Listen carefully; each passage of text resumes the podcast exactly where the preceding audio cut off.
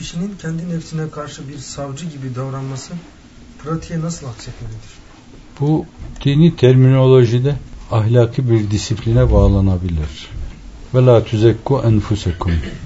Nefsinizi tezki etmeyin, paka çıkarmayın. Üstad Hazretleri kad eflaha men tezekka derken veya men zekkaha. Bir surede Şems'te öyle deniyor. Sure-i Ala'da da öbür türlü deniyor. Her ikisi de biraz farklı manayla aynı şeye geliyor. Kurtuluşa ermek için mutlaka tezkiye nefste bulunmak lazım. Nefse tezkiye deniyor. Fakat onun yaklaşımı büyük evliyanın, muhakkikinin yaklaşımına denktir. Teskiye-i nefs etmemek suretiyle teskiye-i nefs etmek. Yani nefsinde bir paklık görmemek suretiyle nefsini paka çıkarmak lazım. Sürekli onun yıkanmaya, arınmaya müstahak bir varlık olduğu mülazasıyla hareket edeceksiniz ki sık sık onu bir arınma kurnası altına götüresiniz, arındırasınız kirlerden. Yok, nefsinizi tamamen paka çıkarırsanız nefsi paka çıkarma cehdi farklı bir gayret oluyor. Nefsini pak şeklinde mülazaya almak ayrı bir şey oluyor. Üstad Hazretleri orada Hazreti Yusuf Aleyhisselam'a veriyor onu. Tefsirciler de orada tevcihte iki türlü yoruma da açık durmuşlar. Ve ma überru nefsi innen nefsele emmâretun bis su. Ben nefsimi tebriğ etmiyorum. Zira o şiddetle fenalığa amirdir. Nefsin karakteri, yapısı insana fenalıkları emretmektir. Mahiyeti insaniyede o şeytanın tetikleyeceği, harekete geçireceği bir mekanizmadır nefis. Vicdan gibi bir sistemdir. Onun içinde şehvet hissi vardır, gazap hissi vardır, cerbezi hissi vardır. Ne kadar mesavi ahlak varsa, Hazreti Gazzali'nin mühlikat dediği ne kadar şey varsa, hepsi onun içindedir. Ahlakçıların mesavi ahlak dedikleri, kötü huylar, ne kadar varsa hepsi içindedir. Tezkiye-i nefs etmeye muvaffak olduğun sürece etmemek suretiyle, sık sık onunla yüzleşmek suretiyle, en küçük kusurlarını bile sorgulamak suretiyle. Bunlar önemli şeylerdir. İşte bu işi bir yönüyle hani meseleyi amme hesabına ele alan savcılar öyle alıyorlar yani. İşi amme hesabına ele alan eskiler müddei umumi diyorlardı. Müddei umumi, umum namına iddiada bulunan insan demek. Öbürü de vekil oluyor. Onu da şimdi yine Frenkçeden geçme avukat diyoruz. Şimdi insanın nefsine karşı savcı gibi, müddei umumi gibi davranması mutlaka şu dönemde sen şunu yaptın, bu dönemde de bunu yaptın. Şunun arkasındaki sebep neydi? O meselenin arka planı neydi? Perde arkası neydi? Tüm bunlar hep sorma. Hatta birinin bir kusuru onun hayalinde nazarında tebellür edince hemen kendi kusurlarına dönme. İhlas risalelerinde layıkalarında bunun üzerinde duruyor. Senin kendinde görmediğin fakat var olan bir kusurunu da nazara itibara alacaksın. Dolayısıyla kardeşinin kusurundan bir de öyle bir hisse düşeceksin. Kaderin hissesini de düşeceksin. Kendi adına gelince hiç hisse düşmeyeceksin. Çünkü onların hepsinin hesabı sana sorulur. Bugün sorulmasa öbür alemde sorulur. Kabirde sorulmaya başlar. Hayalinden falan şey geçti. Sen o çirkin hayalden uzaklaşabilir miydin, uzaklaşamaz mıydın? Uzaklaşabilir idiysen sana sorarlar onu. Niye uzaklaşmadın, derinleştin orada? Neden bir yönüyle sen daha derin şeylerde imali fikretme varken böyle israfı zaman ettin. Batıl şeyleri düşündün. Yani buna kadar sorarlar insana. Neden biri hakkında kötülük düşündün? Neden birinin kötülüğünü gördün, fenalığını gördün? Dinde fenalığı görme diye bir vazife var mı? Kusuru görme diye bir vazife var mı? Birinde öyle bir şey varsa şayet onu usulünce dinin öğrettiği şekilde üd'u ila sebile rabbike bil hikmeti vel mavidetil haseneti diyor. Ve etfi seyyate bil haseneti diyor sana. Kötülükleri iyilikle sav diyor. Ve kule lehu kavlen leyyina diyor. Şimdi din sana bunu diyorsa şayet sen başkasının savcısı olamazsın. Başkasının kusurlarını bilme, onları kafada tutma kadar bir insan için sayılabilecek büyük bir nakise yoktur. Bazı kusurları görebilir ve planlarınızı ona göre yaparsınız. Fakat bu kusur defteri tutma, kusur notu tutma, kusur günlüğü tutma demek değildir. Memnu olan onlardır.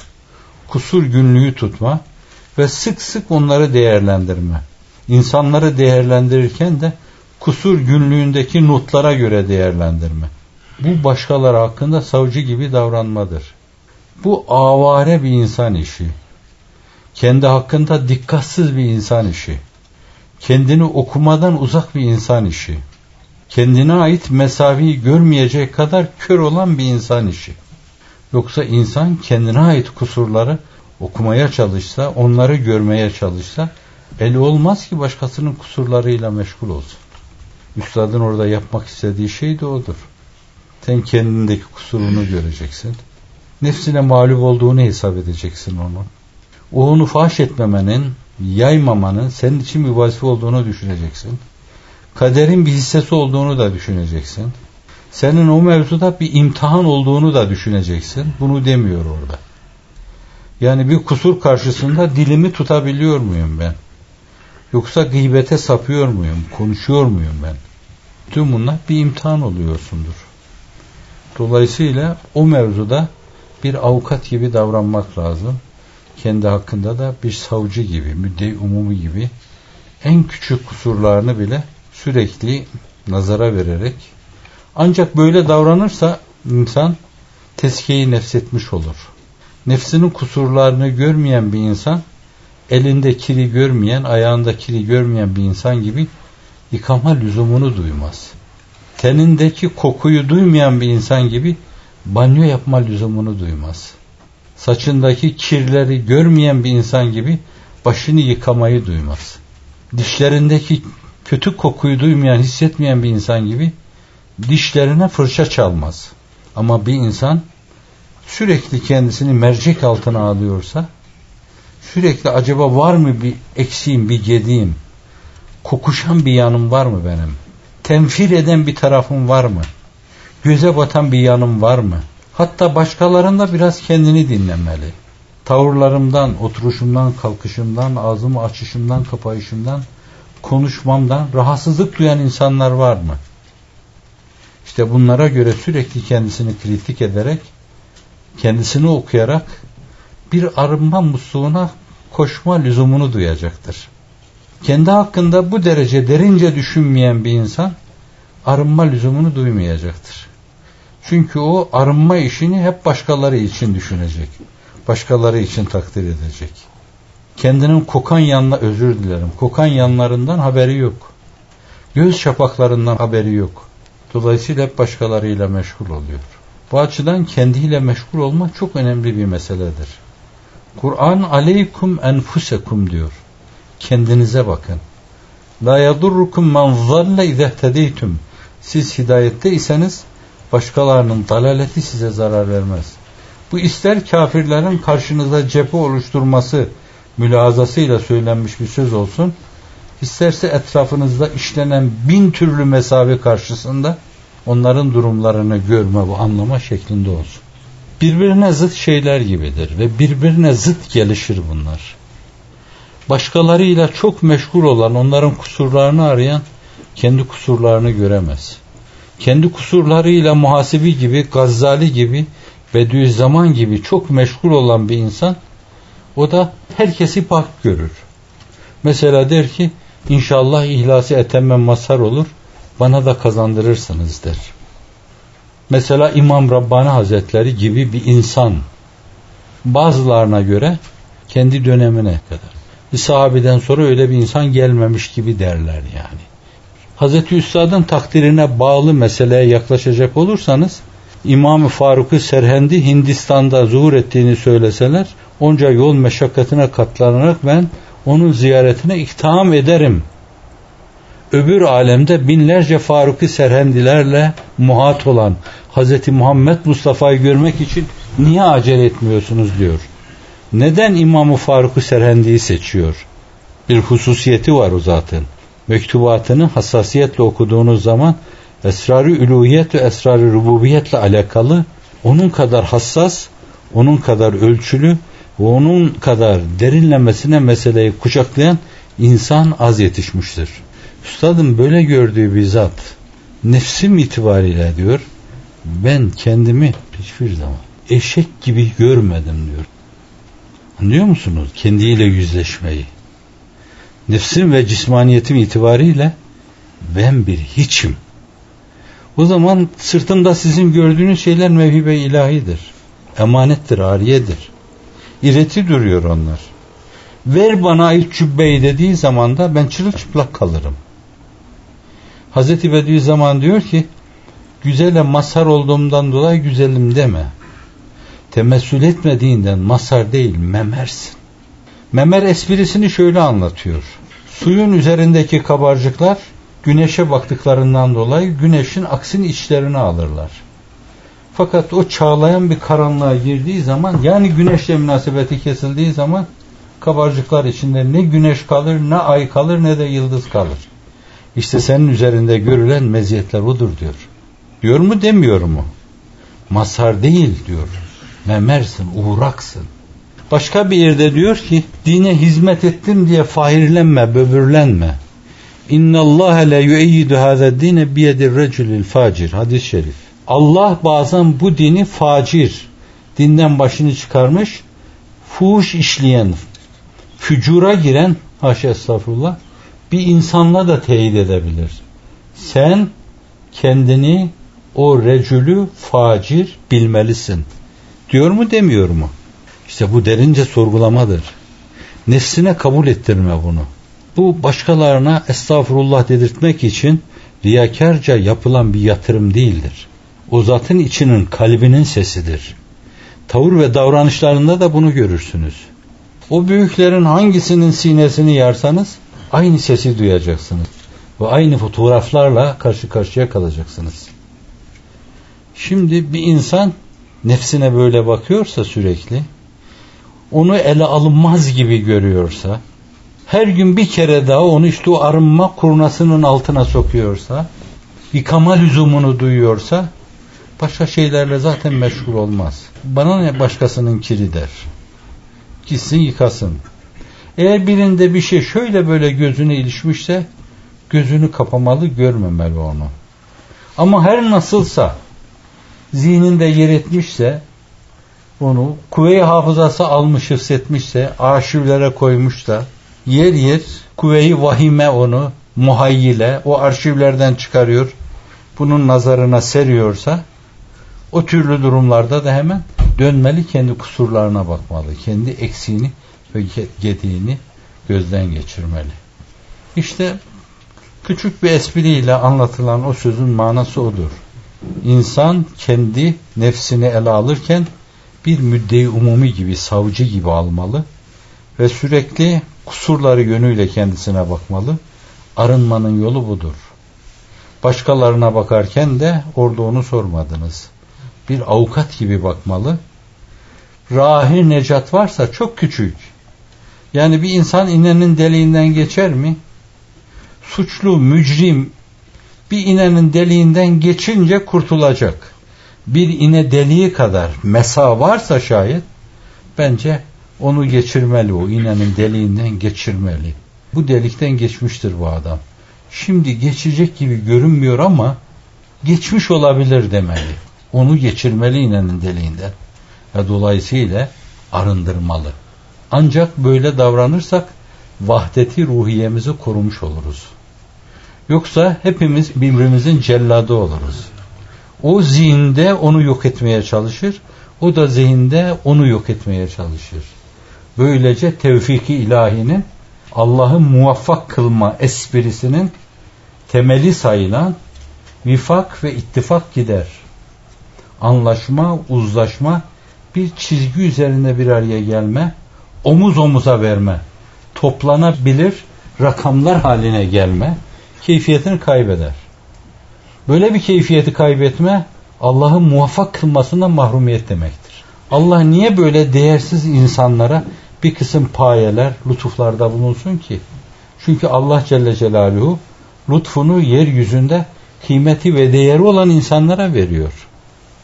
Men yertedde minkum an dini fesevfe yetillahu bi kavmin yuhibbuhum ve yuhibbunehu ezilletin alel müminin aizzetin alel kafirin yücahidune fi sebilillah ve la yakafune levmete laim. Eğer siz geriye durursanız bak bulunduğunuz yerin hakkını vermezseniz gittiğiniz yolda geriye dönerseniz şer'i manasıyla irtidad ederseniz Allah sizin yerinize başka bir kavim getirir, başka bir cemaat getirir. Çünkü o emanette emin arar. O emanete karşı konumuyla da saygılı duran insan arar. Şimdi bir tane naehilden, emin olmayan birinden alacak, emin olmayan birine verecek. Haşa Allah abes iş işlemez yani. Emin olmayandan almışsa onu mutlaka emin olan birisine verir. Kime verir? Yuhibbuhum ve yuhibbunehu. O onları sever, onlar da onu severler. Ezilletin elel müminin. Tevazu kanatları müminler karşısında yerde. Sürüm sürüm. Müslümanların en küçüğü sayıyor kendisini. Tevazu kanatları o kadar yerde. Aizzetin elel kafirin. Kafirlere karşı da olabildiğine aziz, onurlu. Yücahidune fi sebillah Allah yolunda mücadele ediyor. Başkalarıyla değil. Allah yolunda. Allah için işliyor, Allah için başlıyor, Allah için konuşuyor, Allah için görüşüyor, Allah için sorguluyor, verilecekse Allah için ceza veriyor. Allah için yapıyor her şeyi. Ve la yehafune levmete laim. Yaptıkları bu güzel işlerden ötürü birileri onları kınayacakmış. Onu da hiç umursamıyor. Kınarsa kınasın. Önemli olan benim yaptığım şeyin Allah nezdinde hora geçmesi meselesidir. O ona bir kıymet atfediyorsa başkalarının ondan dolayı beni kınaması hiçbir şey ifade etmez. Tevfiki ilahi kesilince emin değilsiniz demek. Emaneti alır Allah başkalarına verir. Teminatınız yok. Sonsuza kadar onun sizin elinizde olacağına dair. Onun için yine Hazreti Pir bir yerde duasında şöyle diyor. Allah emanetini alacağı ana kadar bizi emanette emin kılsın diyor. Din size emanet. Onun hayat hayat olması size emanet. Yaşanması size emanet. E biz onu arızalı yaşıyorsak şayet emanete hiyanet ediyoruz demektir. Kirletiyoruz onu. Günümüzde bazı Müslümanların tasvih etmeyelim. İslam'ın o pırıl pırıl çehresini yaptıkları yanlış şeylerle kirlettikleri gibi. Şimdi kendimize böyle bakarsak kendimizi sürekli böyle aklamamak suretiyle aklarsak arınmak suretiyle aklarsak başkaları hakkında da mülazalarımız temiz olur ve Cenab-ı Hakk'ın inayeti de bizimle beraber olur. İnna Allah la yazlimun nas velakinnen nas enfusem yazlimun. Ayet kelimelerine baktığınızda bu ayet kelimeler hep değişik şeylerin fezlekeleridir. Mesela bir insanın hırsızlık yapması nefsine zulümdür. Bir insanın zina etmesi nefsine zulümdür. Zulüm haddini tecavüz etme. Koşması gerekli olan kulvarda koşmayıp kendine başka yol arama demektir. Allah'ın insana belirlediği yolun dışına çıkma demektir. Bunlar kendini bilmeme demektir. Bunlar zulümdür. Haddini tecavüz etme demektir. Akibeti itibariyle onu görmek lazım. Dünyevi bazı cezalar da olabilir. Mesela hafizan Allah bir insan fuhşa düşerse cezalandırılır. Bu dünyevi cezası. Fakat ahirette de cezasını görür bunu. Böyle yapan bir insan kendisine zulmetmiş olur. Nefsine zulmetmiş olur. Bu haksızlıktır. Nefsini terbiye etmek, zaptı rapt altına almak, onu ahirete hazırlama demektir. Basit bir misal olarak, bir insanın çocuğunu serbest bırakması, serazat yaşasın, çakırkeyif bir delikanlı olsun, burnunu her şeye soksun, elini her şeye uzatsın. Şimdi bu bir yönüyle ona fevkalade bir hürriyet, bir serbestli tanıma demektir. Bu onun için ihsan değildir, lütuf değildir. Çünkü hiçbir işe yaramayan bir boydak olarak yetişir o. Hiçbir işe yaramaz. Toplumun sırtında bir bar olur. Bir kirdir o toplumun alnında bir kirdir. Ama bir de şöyle bir anne baba düşünün. Biraz böyle tatlı sert görünürler. Yerinde mükafatlandırırlar. Yerinde de azıcık katı alaka ederek onu disiplinli bir hayata çekme, okumasını sağlama, mazbut yetişmesini temin etme, iyi bir eğitim verme, terbiyeli olmasını temin etme. Bunlar Üstadın küçük sözlerde ifade ettiği gibi belki biraz meşakkat ama netice itibariyle bir kısım sıkıntılardan kurtaran bir meşakkattir. Yani sırtında bir erzak taşıyorsun, bir yük taşıyorsun. Ama yürüdüğün ve yürüyeceğin yolda onlara ihtiyacın var. Tehlikeler karşına çıktığı zaman onların senin için nasıl bir rahmet olduğunu o zaman anlayacaksın. Biraz evvel bahsettiğimiz serazat, çakır keyfe gelince o ne cephane tanıyor, ne erzak tanıyor, ne belinde büyük var ne de başında büyük var. Ama çöle düştüğü zaman gulyabaniler karşısında avam ifadesiyle söylesem ayıp olur mu? Hanya'yı, Konya'yı görüyor, öğreniyor o zaman. Şimdi hangisi yani bunlardan? O açıdan insanı günümüzde olduğu gibi böyle bohemliğe itebilecek serbestiler bunlar insana karşı yapılmış en büyük zulümdür. Varoluşçuluk mülazasıyla onları bağışlayan hayvanlığa çağrı insana en büyük zulümdür, en büyük haksızlıktır. Çünkü onu işe yaramaz hale getiriyor. Ama beri tarafta bir kısım disiplinler yükü yüklüyorsunuz ona. Bir kısım prensiplere bağlıyorsunuz. Onu bir prensip adamı haline getiriyorsunuz. Fakat dünyada namuslu, iffetli yaşıyor. Utandıracak hiçbir davranışla karşı karşıya kalmıyor. Herkes iftihar ediyor onunla. Vicdanen çok rahat yaşıyor. Sonra o berza hayatına gidiyor. Cennet gibi yaşıyor orada. Hep öbür alemlerde uçup duruyor. Eskilerin ifadesiyle uçmaklarda uçup duruyor. Diğer taraftan mizanına konuyor. Terazisine aksediyor o mesele. Sıratı hadis ifadesiyle belki hatif gibi geçiyor. Ve cennete yıldırım gibi ulaşıyor. Şimdi neticesi itibariyle bu disiplinler eğer bunları kazandırıyorsa bunlar baskı değildir, zulüm değildir. Belki uhrevi hayatı adına bir eğitimdir. Bu açıdan esas nefsine zulmeden insan din dışı hayat yaşayan insandır. Dinin kurallarını tanımayan, ubudiyetin esası olan memur olduğu şeyleri yerine getirmeme, yasak olan şeylerden bir türlü kurtulamama. Esas zulüm odur. Allah insanlara zulmetmez. İnsanlar kendi kendilerine zulmederler. Zina ederek, yalan söyleyerek, suizanda bulunarak, gıybet ederek, iftira ederek, milletin namusuyla oynayarak, milletin malıyla oynayarak, haram yiyerek kendi nefislerine zulmetmiş olurlar. Ahiretlerini karartırlar. Dünyada da iffetlerini, ismetlerini, haysiyetlerini, şereflerini, onurlarını kırmış olur. La ilahe illallahul halimul kerim. Subhanallahi rabbil arşil azim. Elhamdülillah rabbil alemin. أسألك موجبات رحمتك وعزائم مغفرتك والعصمة من كل ذنب والغنيمة من كل عيب والسلامة من كل إثم. لا تدع لنا ذنبا إلا غفرته ولا هما إلا فرجته ولا حاجة هي لك رضا إلا قضيتها يا أرحم الراحمين. اللهم أنت تحكم بين عبادك فيما كانوا فيه يختلفون. لا إله إلا الله العلي العظيم. لا إله إلا الله الحليم الكريم. سبحان رب السماوات السبع ورب العرش العظيم. الحمد لله رب العالمين. اللهم فارج الهم. اللهم مفرج الهم. كاشف الغم. مجيب دعوات المضطر إذا دعوك. رحمن الدنيا والآخرة والرحمهما فارحمنا في حاجتنا هذه بقضائها ونجاحها رحمة تغنينا بها عن رحمة من سواك. ربنا لا تؤاخذنا إن نسينا أو أخطأنا. ربنا لا تعذبنا بذنوبنا ولا تسلط علينا من لا يرحمنا. ربنا لا تخزنا في الدنيا والآخرة. ربنا لا تزغ قلوبنا بعد إذ هديتنا. وهب لنا من لدنك رحمة إنك أنت الوهاب.